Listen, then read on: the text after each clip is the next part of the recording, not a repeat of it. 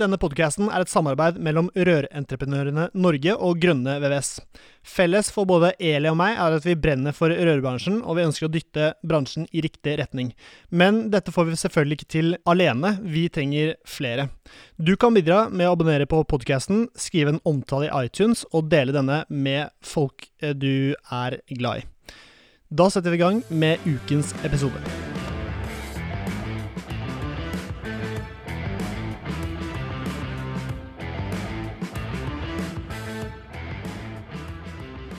Hei, hei, og hjertelig velkommen til en ny episode av Bare Rør med Eli Hermine Heidal Eide fra Rør-Norge og Severin Poppe-Midtale fra Grønne VVS.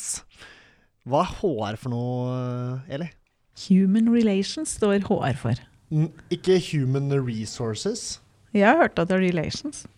Han har rett. Han Har har jeg rett. rett? Det er så deilig! Jeg tenkte å skyte meg selv i foten nå. Nei, Bare si ok, da vet ikke jeg, men, Ja, men Så uh, digg at du visste det, for jeg har alltid bare tenkt at det heter Relations. Men det, det høres jo fornuftig ut at det er Ja, Human Relations er også noe, men det er Men det er en knyttet til del av fag, det. fagforeninger og den type ting. den, wow. Men det skal vi snakke om i dag. det skal vi snakke om Ja, i dag.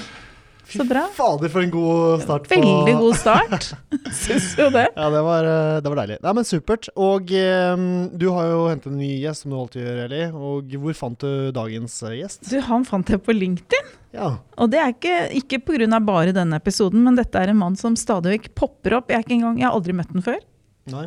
Men han popper opp i feeden min fordi at han snakker, eller deler mye om det å utvikle mennesker og ledelse eh, Mm. på sin LinkedIn-profil. Ja, stemmer. Og det har vi snakka mye om nå i snart to år, at det er jo en del av greia i forhold til det å drive en bedrift og være leder, f.eks.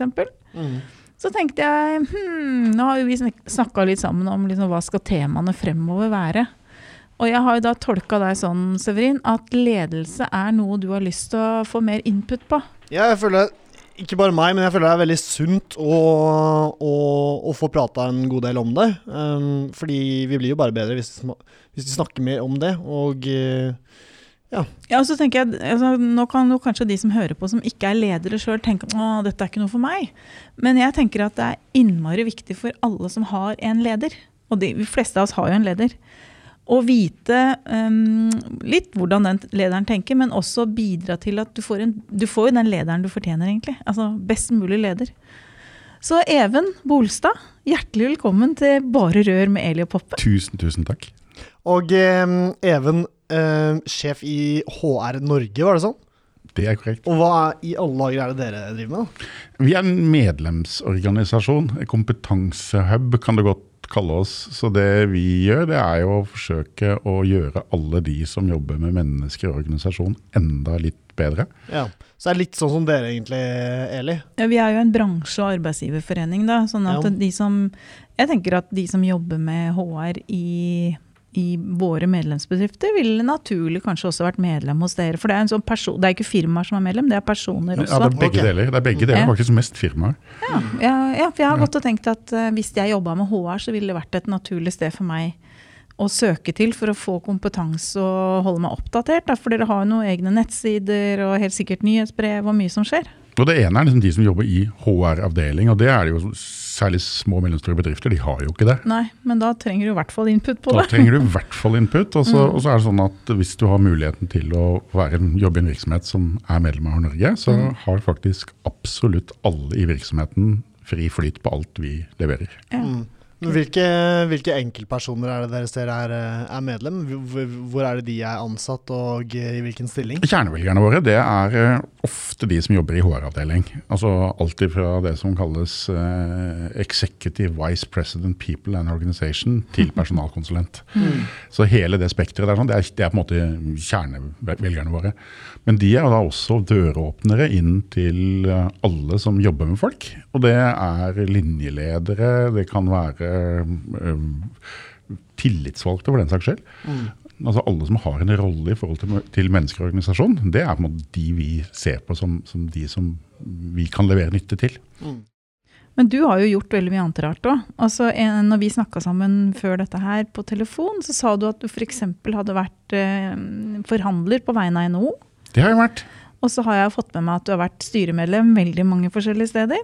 Det er riktig. Eh, Så du må jo ha både sånn i forhold til at du, du har jobba på et visst nivå, men du har jo liksom lang erfaring som leder sjøl også i den organisasjonen du jobber. For det, mange er det jo som jobber i HR Norge. 22-ish sånn akkurat nå i dag, dag, tror jeg. Det er en voksen bedrift, det, da. Det er en voksen Det er bedrift. nok å holde orden på. Stiftet 1958, har vært der en stund, så ja. ja. Mm.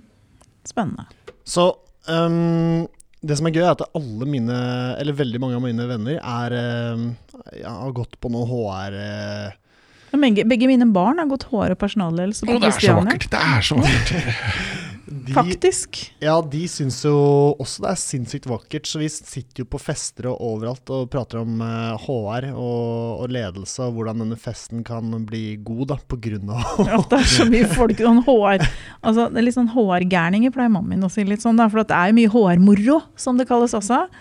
Så det handler jo om å ha det bra. da. Det handler om å ha det bra, og det handler om altså, Flere og flere de skjønner jo hvor viktig folk og organisasjonen er i forhold til å Altså, virksomhetene de trenger det for å, å bli attraktive og levere resultater. Gode arbeidsplasser, det er noe alle av oss er på jakt etter. Og så liker jo jeg ofte å liksom trekke det enda lenger opp og si at hvis ikke vi har et godt arbeidsliv eh, i bånn, så får vi et ganske dårlig samfunn. Og da er eh, HR ganske mye større enn seg sjøl. Det er sant. Og det er jo litt av utgangspunktet for mye av det vi snakker om òg. Altså, hvis jeg tar med Eli og Rør-Norge-hatten, som er min arbeidsgiver og alle de 600 bedriftene over pluss som er medlem hos oss, så tenker jeg at for, på deres vegne så vil jeg tenke at det med HR er viktig fordi at vi jobber med rekruttering. Vi ønsker å få flere mennesker inn i denne bransjen og dette faget. Og vi kan rekruttere. Vi har aldri, aldri hatt det bedre, vi. Det har aldri vært bedre. Men eh, hvis vi hadde klart å tette igjen den proppen i andre enden, hvor folk slutter å gjøre andre ting og begynner å begynne noe nytt, da hadde vi oppnådd veldig mye i forhold til både økonomi og trivsel. Altså, det må jo liksom være litt av Ligger det liksom i Det ligger der, og ikke minst når ting er sånn som det er nå, at arbeidsledigheten den er jo veldig, veldig lav. Ja, det er jo 1,6% eller noe sånt. Ja, og da, da Ingenting. alle uh, sitter og, og plages med det samme, det er jo det at folk renner ut. Og, og jeg pleier å sammenligne det med en bøtte. Uh, hvis, har, hvis du skal drive og spare sand opp i en bøtte, og, og ikke forholder deg til at det er et hull i bånn som gjør at, eh, at, at du må faktisk stå der og spa, du blir ganske sliten av det. altså. Det er faktisk smartere å tette hull i bånn. Og, og det finnes så mye flinke folk som glir ut av virksomhetene, som du gjerne skulle hatt med deg videre, Videre, og som du kunne ha beholdt. Hvis- hvordan da? Ja, For det er det vi gjerne vil ha svar på. da. Ja, fordi vi har jo en sånn bøtte i byggebransjen Ja, eh, det. og i rørbransjen Ja. som noe lekker som det er litt noe jævlig. på. Ja, og mm. vi er nok ikke den verste bransjen. Elektrobransjen eh, påstår de jo at når du er 25, så er du senior, liksom. Ja. Det er ganske trist. Når du først er rørlegger, så kan du fikse den lekkasjen her, da. Ja. For den er veldig Ikke sant? Er det noen som får Så- Eh, Fem, fem grunner. Eh, Det ene det er jo det at det står en eller annen på utsida og lokker deg med noe annet. ikke sånn? Attraktive tilbud. Særlig når det er kamp om folk, og, og kamp om flinke folk, sånn som det er nå. De, så er det mange som får tilbud. De lokkes, de lokkes, de lokkes, og av og til så fremstår det som er på utsiden av gjerdet, som mye grønnere. Du, alle som har vært skilt eller gift, er jo klar over at det er ikke bestandig det er noe grønnere på andre sida av gjerdet. Det tror jeg mange har erfart. Det er en annen podkast. Også når de ikke, ja, men også når de bytter jobb, da. Det er ikke bestandig det er gøy å det bytte jobb. Og vi vet også det at noen av de som f.eks. av en annen grunn er lønnsvilkårene. Uh, og vi vet jo det at en del av de som bytter jobb uh, pga. lønn, eh, de er jo kanskje også noen av de som sitter løsest i stolen dit de kommer. Så, Mm. Hvis det er lønn du lokker med, er så er det ikke sikkert med. du har glede av den så men, lenge, nei. men lønn er en, en grunn til at folk bytter. og Det er, liksom, det er litt budkamp på en del kompetanser nå.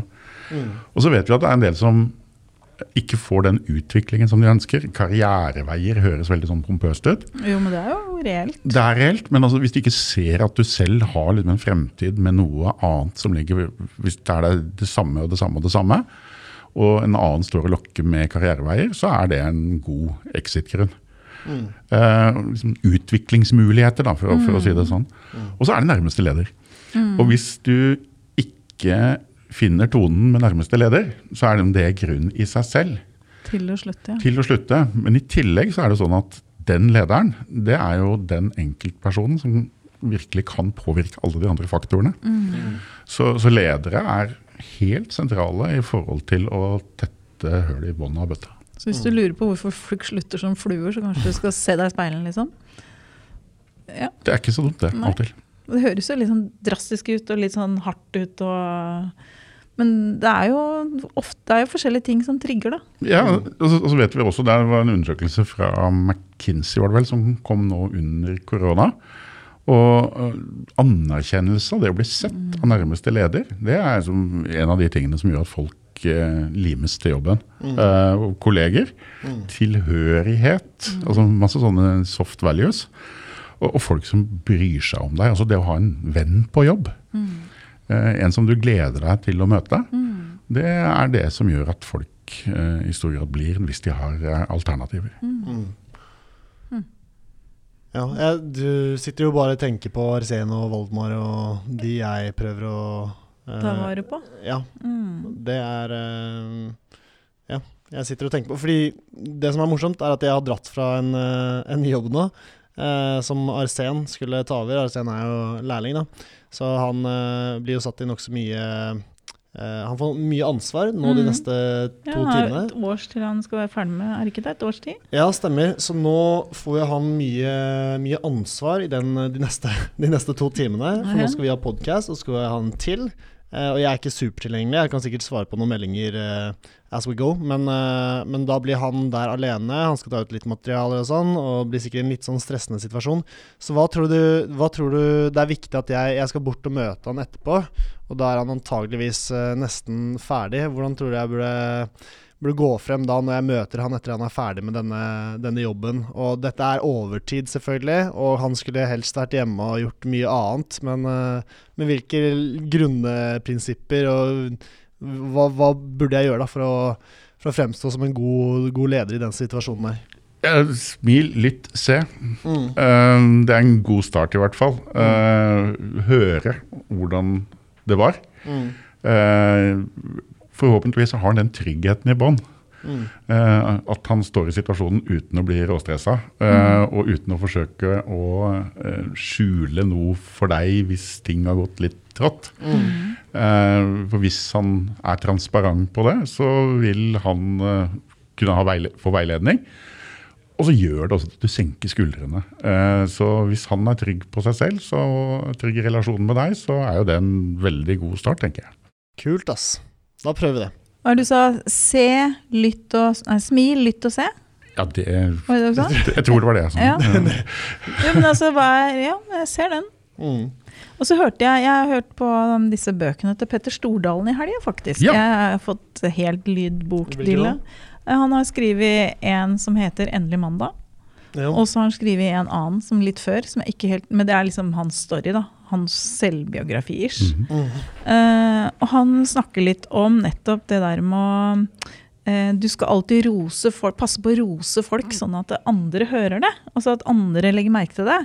Men hvis det er noe du ikke er fornøyd med, så skal du alltid gjøre det på én rom. Helt riktig. Eh, det er en veldig viktig sånn leveregel, uansett om det er ungene dine, eller kona di, eller arbeidskollegaen din, eller noen du er leder for.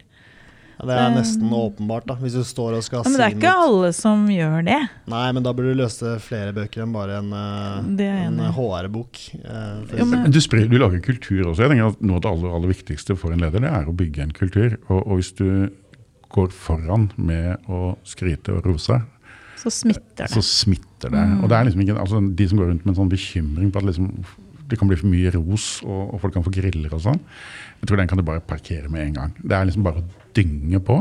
Men gjør den relevant der hvor faktisk det er grunn til å rose. Eh, fordi at hvis du på en måte roser alt, Ja, det er jo ikke, Da er jo ikke, har jo ikke noe verdi lenger. Da har det ikke noe verdi lenger. devaluerer skryten du devaluerer skruten din, så vær målrettet og to the point. Og, Mm. og, og der hvor faktisk altså det ferske folket gjør noe godt, det, er, eh, det er viktig. Da må du se. Mm. Jeg har kanskje nevnt det før, men han Egil Søby, han eh, som var da god i roing Og seks. ja, Jeg husker ikke han var god, men han, Var en jeg har hørt om i hele oppveksten min. Jeg tror, jeg, jeg tror det var 68. Da var jeg fire år gammel, så jeg fikk ikke så innmari mye med det. Nei, men jeg husker han fra liksom, Ja, Jeg har alltid hørt om han, og så har jeg vært og hørt foredrag med en gang. Mm. Og han reiser rundt med foredrag for å snakke om liksom Ja, hvordan du kan bli et bedre menneske og gjøre andre bedre, da. Ja. Og han har fire bokstaver som han liksom skrev opp på tavla. MMFI. Og av en eller annen grunn, altså det er sikkert 20 år siden jeg var på det foredraget, så går jeg rundt og husker MMFI. MMFI. Kan du tenke deg hva det står for, Severin? Um, nei, det kan jeg ikke. Make me feel important. Ja. Eh, altså Noe så enkelt som at eh, sånn som Ashen nå, da, som er ute og jobber og gjør en eh, jobb ikke sant, på egen hånd. Mm. Eh, det å få ansvar og føle deg viktig i en eller annen rolle, om det er stort eller lite, er ikke så viktig. Det der at folk kan få lov å føle seg viktig, og at noen klapper deg på skuldra og liksom løfter deg fram, tror jeg er helt avgjørende greie som vi kanskje skal være litt flinkere til. Jeg er ikke flink nok, men å være bevisst på det. Folk sier at, at motivasjon det henger egentlig på tre ting. Eh, autonomi, mening og mestring. Eh, autonomi det er litt sånn sjølråderett.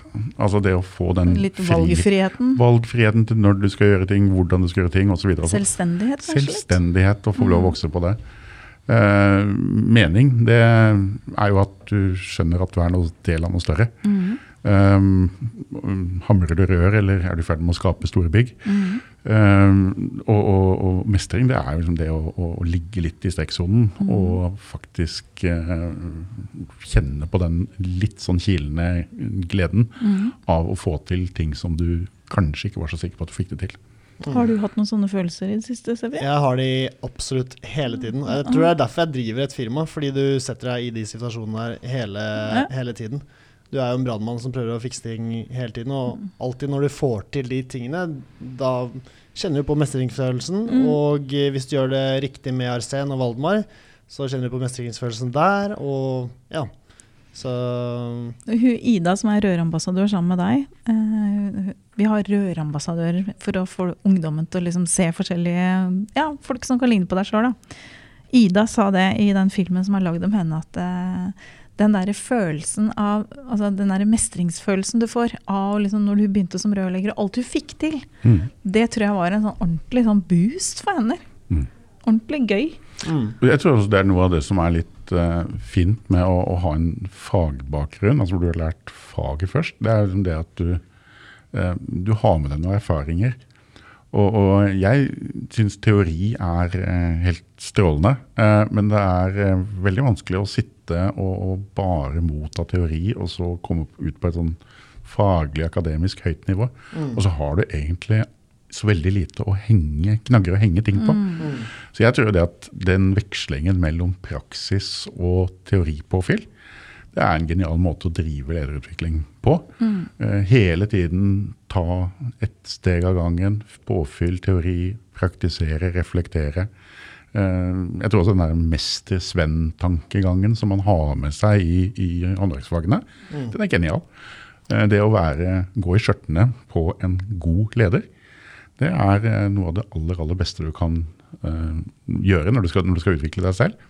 Og, og ha en refleksjon rundt det. Og kanskje ha noen som ser deg, og som gir deg feedback som du er trygg på i relasjonen. Som, som, kan, som kan gi deg tipset, som kan utfordre deg. Og, og, og spørre hva, hva syns du, gikk det bra, hvorfor? og, Altså, få deg til å, å gå den veien med deg sjøl. Jeg tror det er noe av de beste tipsene i forhold til å utvikle seg som leder. Mm. Ja, alle burde på en måte ha en leder, da. Selv om du er en toppleder i Men hva er en leder, da? Altså, jeg tenker sånn, Hva er det? For det, du er jo leder i det øyeblikket du får ansvar for noen. Ja, det er personalledelse. Ja.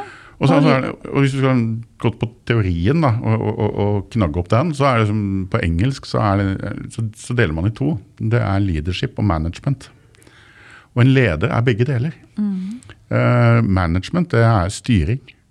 Altså Det er jo alltid fra å sette opp en eh, vaktplan til eh, å ta liksom, de store strategiske beslutningene.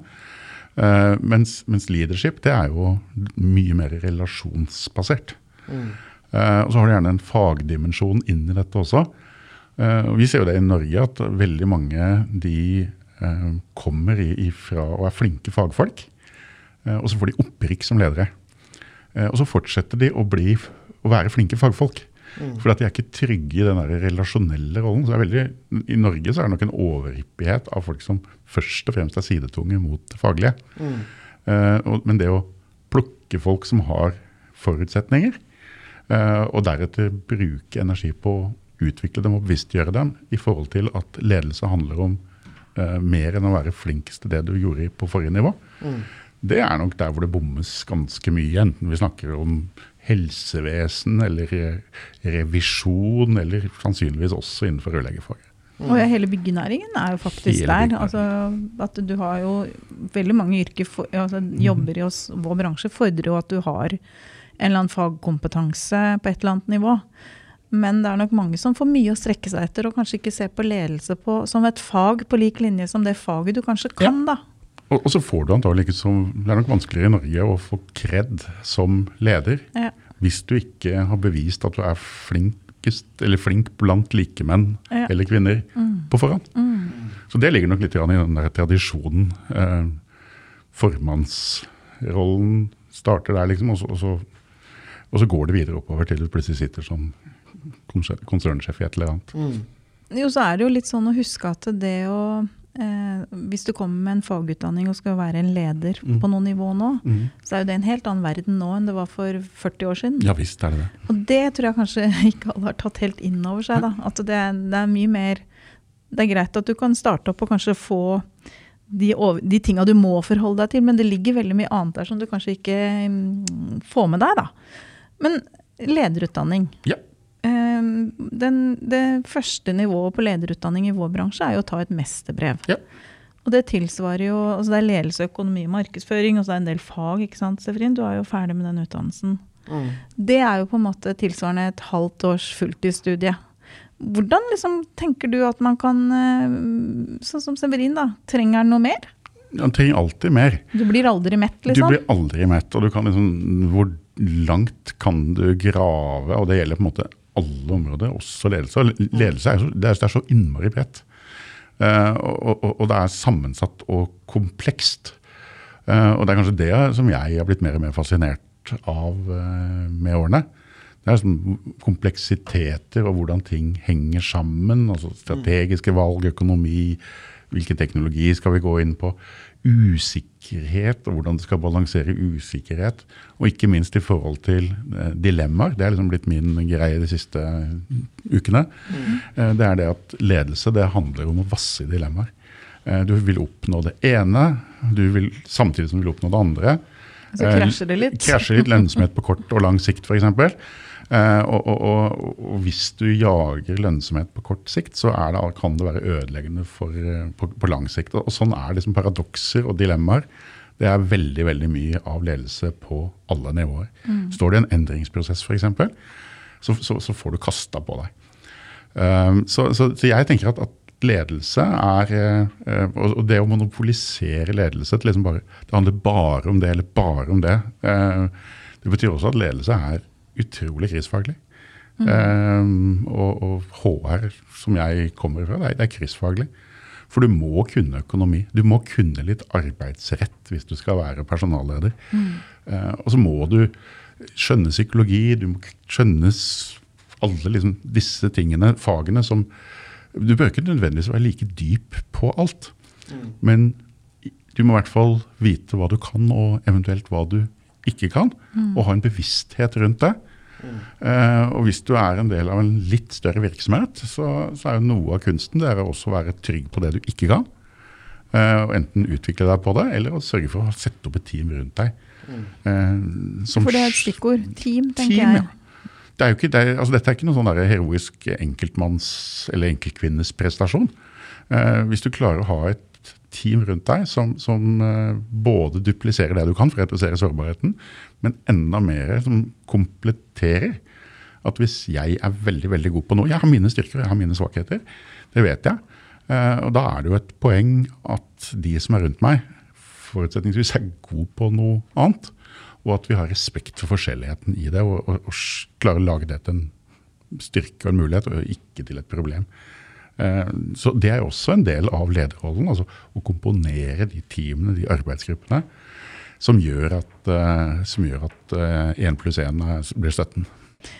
Ja, for det er kanskje en ting jeg ser veldig ofte, at du velger å ansette noen som er lik deg sjøl. For det- er jo veldig trygt, Det er trygt, og det er morsomt. Vi ler av de samme tingene. Liksom, altså, Jobbintervju.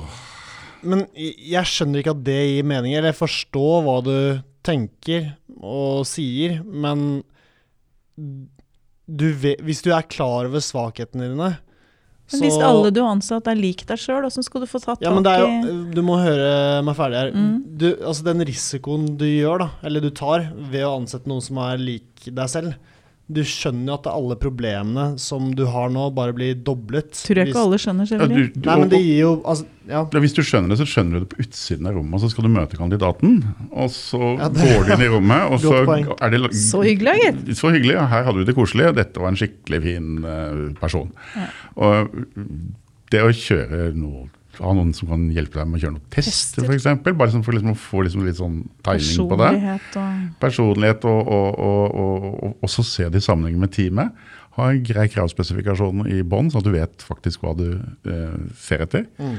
Eh, og, og hvis du sitter i et jobbintervju eh, på arbeidsgiversiden, så, så sørg for å ha en ved siden av deg. Det har i hvert fall reddet meg et par ganger. Eh, som er ganske forskjellig fra deg selv. Mm. Så når du sitter der og blir stupforelsket over bordet i en som ligner ekstremt på deg sjøl, så er det en som kan sitte og sparke deg ordentlig på leggen og, og liksom bare gjøre deg mildt oppmerksom på at nå, Ja, nå er vi rett på vei inn i fella. Altså. Ja, og det er et godt eksempel, fordi jeg tror jeg kunne lurt en Altså hvis jeg hadde vært dårlig til noe, da, si HR f.eks., og jeg skulle blitt ansatt eh, hos dere eller et Mm. eller annet firma, så tror jeg jeg kunne lurt én personlighet, men hvis den personligheten hadde hatt en som var stikk motsatt, var motsatt, da hadde jeg slitt noe jævlig. Og da får du liksom de gode diskusjonene i etterkant Mm. også, når kandidatene forlater rommet. Eh, at noen har sett noe, og andre har sett noe annet. Mm.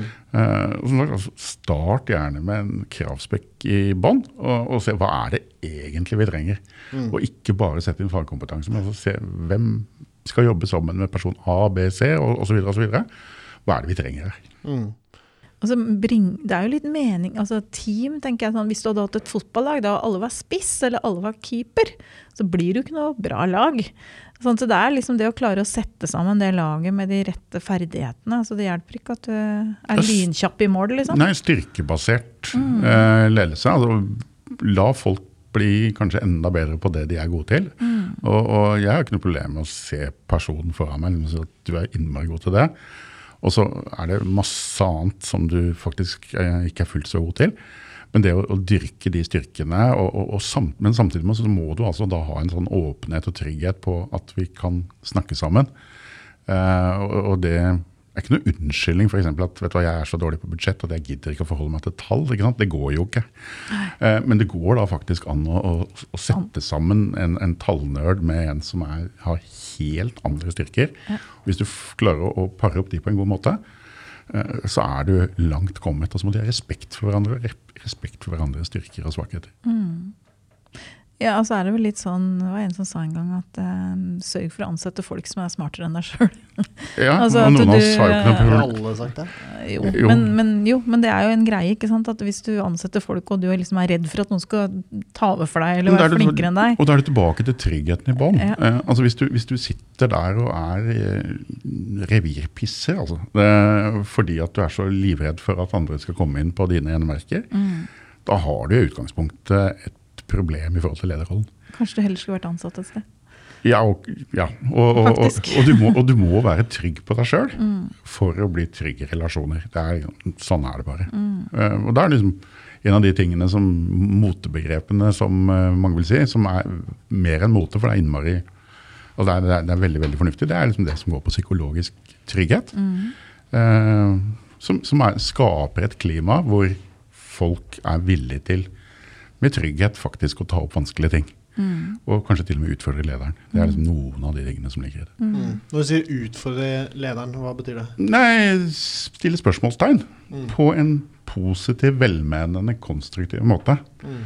Eh, fordi at eh, jeg blir jo stadig sjokkert over eh, når jeg har tenkt lure tanker, og så er det andre som sier 'vent litt da, Even, er det egentlig så lurt?' Og så oppdager at det er jo ikke lurt i det hele tatt. Mm. Eh, men hvis du ikke har de menneskene som med, et positivt utgangspunkt utfordrer deg, og får til de der gode brytningene, eh, så sliter du som leder. For eh, er du leder, så er du gjerne også på et mer sånn bredt, komplekst nivå. Og, og, og, og da er det ting du ikke får med deg. Det er ting du ikke får med deg. Eh, og så er det også sånn der tyngdekraften at, at info flyter mye, mye fortere ned enn opp. Og hvis du har eh, folk som, rundt deg som ikke tør å si fra, eh, som ikke tør å flagge at de har, de har problemer, eller at de ser problemer, eller at eh, ting er på gal vei, så oppfatter du det rett og slett for sent. Men hvis du tar og tenker vår bransje, da. Eh, hvis for eksempel, jeg har jo hørt noen ganger fra lærlinger som sier at du vet hva, jeg hadde et kjempegodt forslag til en annen måte vi kunne gjøre ting på, men hun gadd ikke å høre på meg engang. Eh, det blei liksom ikke, De hører ikke på meg for jeg er lærling, eller at du ikke får gjennomslag da, for Mm. ideene dine. Men det er to forskjellige ting. Ja, en- Én ting er gjennomslaget, selvfølgelig, Ja. men ikke bli lytta til heller, er jo veldig sånn Det er demotiverende. at Det er fullstendig demotiverende. Ja, og det, og det gjelder jo altså, Med tanke på ledelse der, så handler jo ikke det bare om lederen i bedriften, men det handler om den rørleggeren som er med deg, altså du har, som er, har med deg Mm. fordi du er lærling. Mm. Sånn at det der å utvikle disse ferdighetene også for alle de som har med seg lærling ute på jobb, tenker jeg også er veldig viktig. Det er kjempeviktig. da. Det er til å, ja, altså, Det er litt sånn sammenligna med Forsvaret. Mm. altså når Du går på befals, du får jo ledelse, lederansvar ganske tidlig i Forsvaret, men de har jo et system for lederutvikling hele veien. Mm. Og jeg tenker at Vi burde nok vært flinkere som bransje til å utvikle alle de, og vært litt mer bevisst på hvem som får lov å ha med seg lærling. I forhold til at de må også kunne være med å bygge opp den psykologiske tryggheten. sånn at Hvis du som lærling har gjort en feil, så skal det ikke være sånn at du gjør alt du kan for å dekke over og håper du slipper unna, men at du, du tør å komme og tør å prøve nye ting og er innovativ og gjør alle de greiene der. Du- også, der har vi en vei å gå, da, noen steder, tror jeg. Og så, er det, det er lov å feile. Eh, kanskje ikke 17 ganger på rad, men Ja, men i hvert fall når du er lærling. hvert fall når du er lærling. Eh, og, og det liksom å, å ha det, å se på det å feile i et læringsperspektiv. altså Du nevnte Forsvaret. Jeg, har, jeg starta der. Mm. Eh, og hadde vel en 12-15 år i krigsskole og, og, og hele greia. Og, og, jeg har jo sett tilbake på den tiden eh, som en vanvittig læringsreise. Mm. altså Hvor du faktisk fikk teori, og så fikk du praktisere, praktisere, og så fikk du feedback, feedback, feedback. Eh, og, og, så fikk du bytte jobb, du fikk utviklingsmuligheter, og hele greia var egentlig bare en eneste stor trakt av utvikling. Eh, og, og det er veldig, veldig tror jeg, en god modell for lederutvikling, kontra det å, å, å som sagt, bare lese teori eller bare teste seg fram. Ja, for det, jeg tror at vi som bransje hadde hatt mye å vinne på, da, og kanskje til og med få et litt mer sånn systematisk forhold til uh, alle disse. Vi har to, I fjor så hadde vi 2026 lærlinger som var lærling ved utløpet av året. Unnskyld, i 2021. Vi har ikke fått 2022-tall ennå. Men det er ganske mange som da forholder seg til én eller flere fagarbeidere og sin egen leder i bedriften.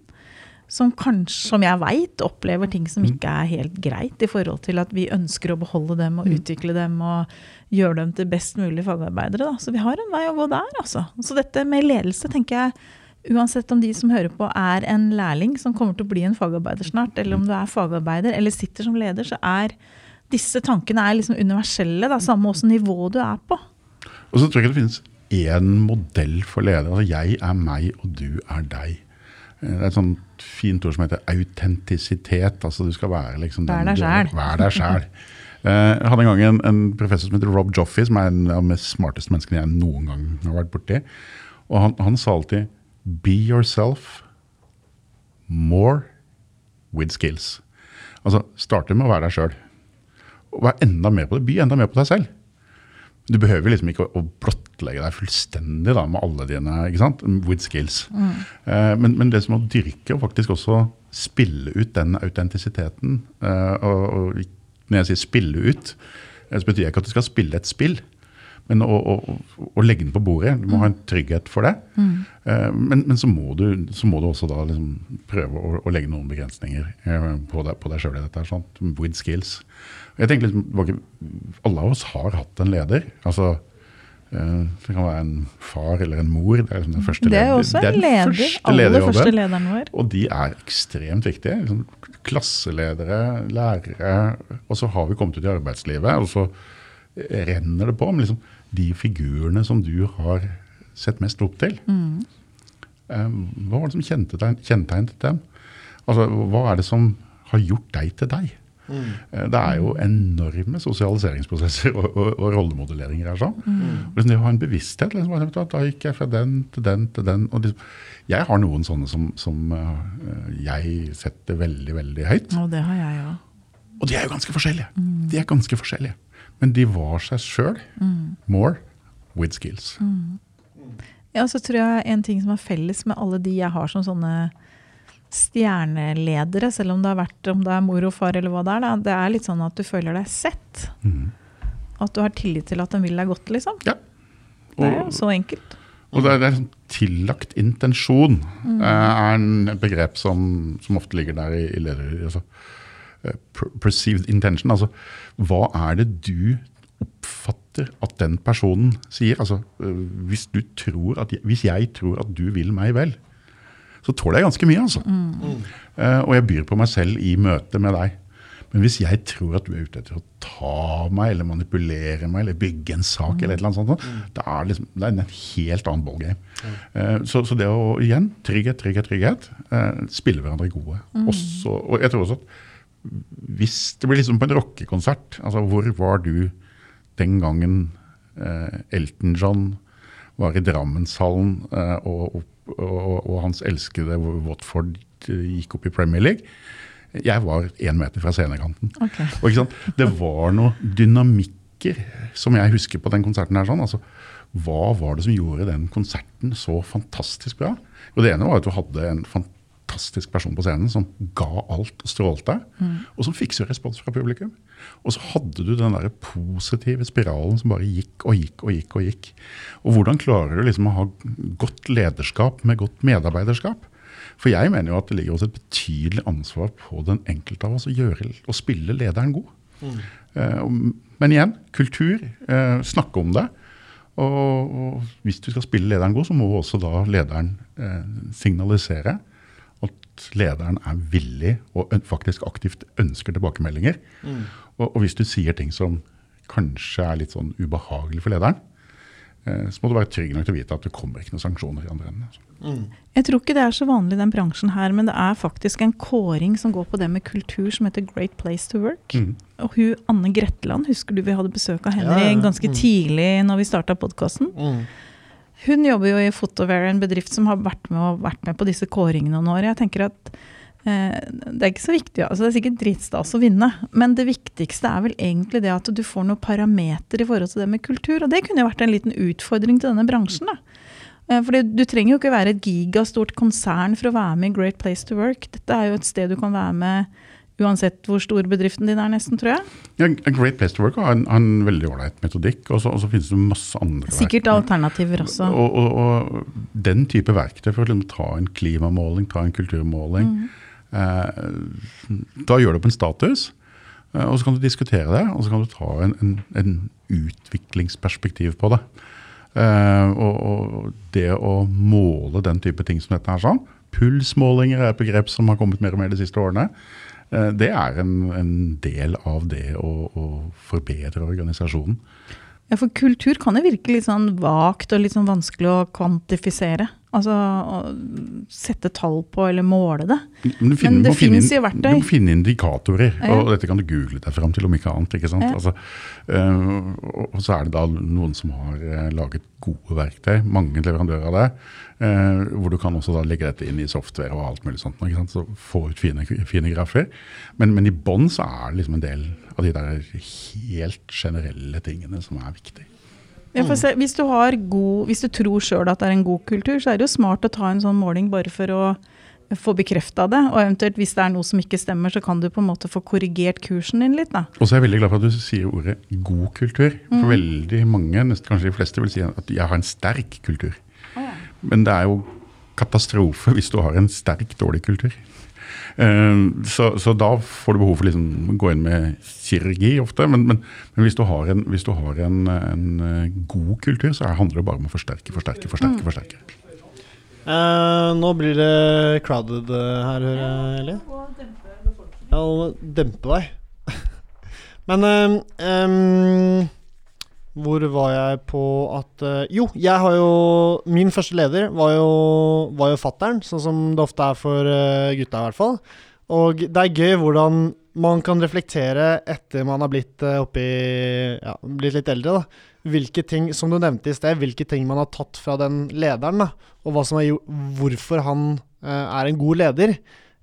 Og så, etter jeg ble 23 kanskje, så har jeg funnet en annen leder, for jeg er på en måte blitt ferdig med, med han. da, Eller tatt så mye kunnskap fra han at det, ok, nå er det mer givende å finne en som, en som har enda mer å by på, og kanskje litt andre steder enn bare, bare livs, livserfaring. Du ønsker mer bedriftsledelse, kunnskap osv. osv. Um, så på samme måte som uh, meg, så regner jeg også med at du har hatt noen sånne ledere, uh, eller folk du har høstet veldig mange, mye kunnskap fra. Så lurer jeg på hvem, hvilke personer er det du har uh, hentet, hentet, god info fra? Oi. Jeg trekker fram en jeg hadde mm, som purung uh, løytnant, uh, 22 år eller et eller annet sånt nå. Uh, da var jeg økonomisjef og fikk plutselig tre seksjonsledere under meg. og så hadde jeg en som jeg rapporterte til, og han hadde hatt min jobb. Og han kunne jobben inn og ut og inn og ut. Han kunne, mm. Den dagen jeg sluttet, så kunne han fortsatt jobben min bedre enn det jeg kunne. Ja, uh, og hvordan han klarte å holde den uh, Han var tett på. Han hadde alle forutsetninger for å være tett på. Og hvordan han hjalp meg til å komme inn i den rollen og få lov å utvikle meg. Uh, og hele tiden støttet og korrigerte og hadde den balansen. Uh, I den fasen jeg var da, som 22-åring, uh, så var det helt fantastisk. Uh, jeg har hatt andre ledere senere som imponerer meg med visjoner. Altså evne til å se ting. altså plukke ting på radaren som ikke jeg klarte liksom, å sette inn i et system.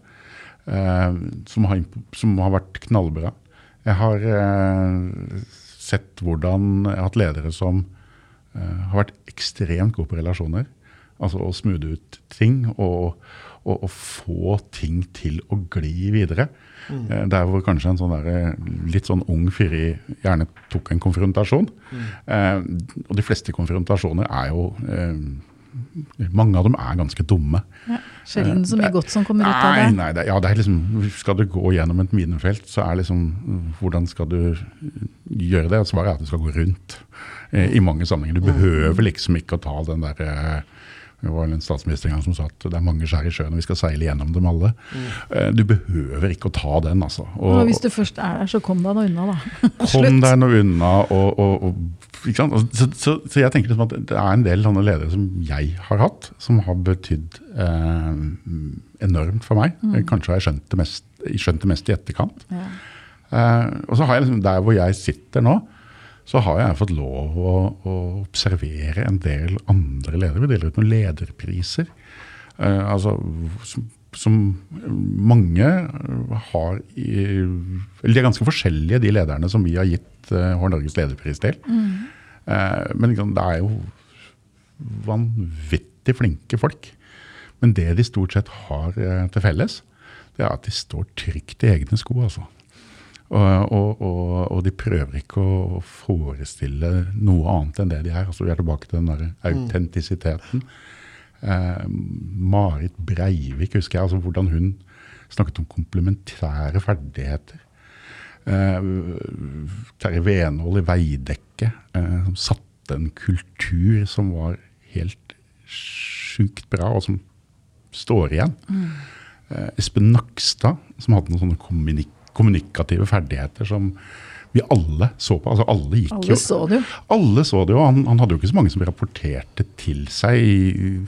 Men hele, han, han ledet jo på mange måter 5,5 millioner innbyggere. Mm um, gjennom kommunikasjonsferdighetene sine. Kunne, listen er lang. Mm. Og, og, og, det liksom å plukke og ha en bevissthet og liksom, hva er det som gjør dem gode, det har for meg vært en sånn læringsreise også. Ja, spennende.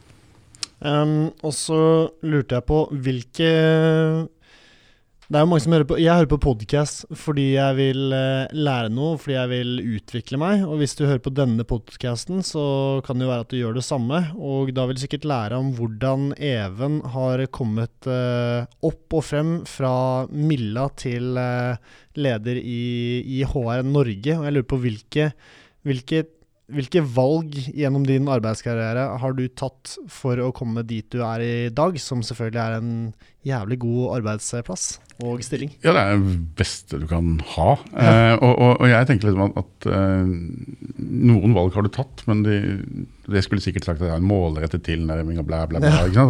Det er jo bare tull. Ja, det var eh, det, det, så, så, så det har jo liksom blitt litt sånn Det startet vel sånn tillitsvalgt i klassen, liksom. Mm. Uh, Kult på Sjøkrigsskolen, og liksom, så har vi gått veien. Uh, men, men, det er jo det å, å, å ville en forskjell. Mm.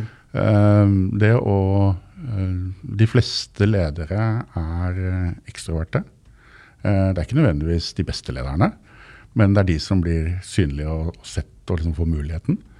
og jeg scorer vel slightly extrovert, tror jeg, på testene. Uh, så, så, så, den liksom er, Så er man, står man fram og, og, og, har en mening om ting, og så, blir, og og så følger det. Uh, og, jeg er egentlig utdannet eh, for å, innenfor logistikk og innkjøp. Jeg er for å kjøpe jagerfly. Det er liksom det, det som er min faglige bakgrunn. og, så på et eller annet tidspunkt så, så havnet jeg inn i jeg satt på arbeidstakersiden en periode. Jobbet med kommunikasjon på arbeidstakersiden. Fikk den med meg, og så havnet jeg inn i omstillingsprosesser. Og så endte du liksom inn i, som du nevnte, altså NHO. Og, så, og nå har jeg sittet i Har Norge i himla mange år. Og det bare ble sånn. Det bare ble sånn. Og, men, men, det som kjennetegner, er at du, at du har et ønske om å gjøre en forskjell på et eller annet område, og så stikker du fram hodet, og så, og så mm. er du der. Ja. Um, ja, Du ser mulighetene, og når du har lyst til å ta de, så tar du de. Ja, og faktisk gå inn og kanskje også vise av og til at du presterer, og, og klarer å levere i det små, ikke bare har eh, de store ordene. Mm. Gjennomføringskraft. Gjennomføringskraft. Det er viktig. Nå har Eli ja. lest boken, det er helt uh, tydelig. Execution, Execution. Heter, det, heter, det, på nynorsk. Execution. Ja, Nå har alle lest boka. Ja, ja, det, er mange, det, er, det, er, ikke bare én bok, det er, det er opptil flere bøker. Det er mye, kan jeg, kan jeg, mye lederteori som du kan lese. Så jeg, jeg, tenker liksom at den der, det liksom å, å også kunne navigere Jeg tror det er viktig for for en leder å skjønne at dette, det handler ikke bare om å lede folk. Det handler ikke bare om også, En som jeg har hatt gleden av å jobbe sammen med, en som heter Dave Olerich. Han, han har en annen modell. Han har også skrevet fryktelig mange bøker. Eh, men han sier at det handler delvis om å være um, langsiktig. Eh, og, og, det er det å være strategisk på den ene siden. Eh, og så handler det om å bygge neste generasjon. det er liksom én del av lederoppgaven. Um, og så er liksom den der mer kortsiktige. altså Der hvor strategisk er langsiktig, så er kanskje executor uh, det kortsiktige av den. Altså få ting til å skje her og nå. Og det å lede de folka som du har her og nå, talent manager, og engasjere dem. Det er liksom den andre biten av det. Uh, og så, og så syns jeg også Dave har en, en, sånn veldig, veldig godt poeng. Og det er at i kjernen av alt dette her sånn, så må du ta vare på det og utvikle deg sjøl. Mm. Eh, fordi at eh, når du sitter i en lederrolle, eh, så du blir fanget av malstrømmen. Og det ene fellen det kan være at du ikke utvikler deg selv. Det andre er at du brenner ut deg sjøl. Eh, særlig i og, og, og, nå beveger jeg meg himla langt bort fra det du egentlig spurte om. Hørte jeg. Men, men, men særlig liksom der, de der mellomlederrollene eh, har jeg den dypeste respekt for. Eh, det er ofte dritten i midten. Eh, du føler presset nedenfra, eh, og du kjenner kanskje lojalitet du, kanskje, kanskje, du var en av dem inntil nylig før du fikk opprykk. Og så plutselig så, så har du bytta eh, til den andre siden, til the dark mm. side, liksom, hvis du skal ha en omstillingsprosess. Mm. Og så skal du være lojal oppover. En sånn klassisk felle da, det er, det er at du blir en local hero. og det er liksom det at du, du, du sitter sammen med gutta eller jentene Eh, og, og sier ja, fy filleren, hadde ikke jeg liksom hatt de der eh, lederne som vi alle liksom plages over, liksom, å være lojal nedover, da blir du kjempepopulær nedover. Eh, og så gjør du altså ikke jobben din oppover. Men igjen, da, nå, da vender jeg liksom tilbake til det der med dilemmaer. Du må faktisk klare å, å definere din egen rolle så, og, og være lojal oppover, og også gjennomføre de tingene som er kanskje ubehagelige. For det å ta beslutninger, det er jo også en del av det å være leder av og til. Og det å ta beslutninger som kan være fordelaktig for noen og mindre fordelaktig for andre. Eh, Det er artigst å være julenisse hver eneste dag, mm. men, men av og til så er det litt som å være barneforelder. At du må faktisk altså si at vet du hva, nei, vet du hva, nå får du ikke mer godteri, nå må vi legge oss. Overført til eh, en arbeidsplass. Så kan det være f.eks. det å si at vet du nei, jeg, jeg syns du fortjener mer lønn, vi har ikke mer til fordeling. Eh, vi har en eh, jobb som skal gjøres som ingen har lyst på, og du, vi trenger deg på dette. Eh, eller i det aller verste som ofte følger en lederrolle, det er jo hvis eh, det er f.eks. en nedbemanning. Eh, og du må eh, ikke bare erkjenne at noen må forlate deg, men du må kanskje velge ut og også kommunisere til gode kolleger at uh, nå har vi en veldig veldig trist ting å gjøre. Og det er jo, altså Hvis du er normalt uh, følelsesmessig utrustet, så er jo det noe av det jævligste du kan oppleve som en leder. Uh, akkurat de der greiene der. Ja. Men jeg tenker sånn, hvis du da driver et rørleggerfirma, eller du er interessert, du tenker at ja, jeg er jo rørlegger, men jeg kunne godt tenkt meg å utvikle meg innen ledelse, så finnes det jo masse fine podkaster som er helt uh, tilgjengelige. Podkaster eh, Bøker finnes det masse av. Bøker, hvis du er medlem av Norge, så finnes det et videoarkiv som er, som er helt sjukt bra. og Det var dagens kult. tekstreklame. Ja, ja, men det er bra. Eh, og, og, og det finnes altså så mye der ute. Eh, og, og det er noe av det som jeg syns er mest fascinerende med de siste årene. At ting har blitt så utrolig tilgjengelig. Og det er liksom ikke sånn middelmådigheter. Altså det er det beste som Norge og verden har å by på. Som er eh, ofte et, et eh, liten sånn klikk unna. Eh, og så er liksom, men igjen så er det liksom, du kan ta til deg ta, du kan ta inn teori, og så skal du anvende det. Og så skal du, da må du over på den der refleksjonen. Og hvis du da har eh, masse god Kanskje som noen har hjulpet deg å plukke. Du bør se den, den og den. Og samtidig ha en som går sammen med deg og klapper deg på skulderen og, og ser deg og også gir deg de gode tilbakemeldingene. Altså, for refleksjonen, den er, eh, den er eh, ofte undervurdert. Altså, man snakker ofte om sånn 70-20-10 i, i forhold til læring. Eh, og det er 70 det er strekkoppgaver. Eh, 20% er refleksjon, og 10% er teori. Eh, så det er liksom altfor mange, syns jeg, som, eh, som eh, sier at kompetanseutvikling, da skal jeg på skole, da skal jeg på kurs. Eh, Men de fleste av oss de, sitter, de lærer jo mest i arbeidssituasjonen. Og nå finnes det jo så mye tilgjengelig, så det, det var litt sånn oppfordring til det, tenker jeg da. At det er mye å hente der. Ja, og, og jeg tenker også at det finnes et sånn ansvar for virksomhetene til faktisk å gi folk den, det påfyllet, enten det er i forhold til ledelse eller andre ting. Eh, og gi folk streikoppgaver. Eh, og når du vet at eh, det å, å følge den typen eh, tankegang også er noe av den beste måten å holde på folk, så er det jo ganske dumt å tyne det kortsiktige. Eh, gjør det du alltid har gjort, fordi at det er det du er så god til, eh, og så mister du dem. Dilemma. Og da er vi egentlig tilbake til begynnelsen. Ja. Alt vi har snakka om nå, handler egentlig om hvordan du skal holde på folka Tette dine. hullet i bøtta. Ja. Mm. Har vi tetta noen kunnskapshull, tror du, i dag? For Ja, de i som hvert hører fall, eh, Har jeg- du fått tetta noen? Ja. Ja, så flott. Dagens uh, HR eh, Hva skal vi si? Jeg, Oppvåkning. jeg, ja, jeg liker å høre mye HR- og ledelseting, og nå har jeg fått døtta mye inn. Ja, Så nå så jeg bra. Ja, nå er jeg. For, for i dag i hvert fall. Det kommer mer. Ja. Ja.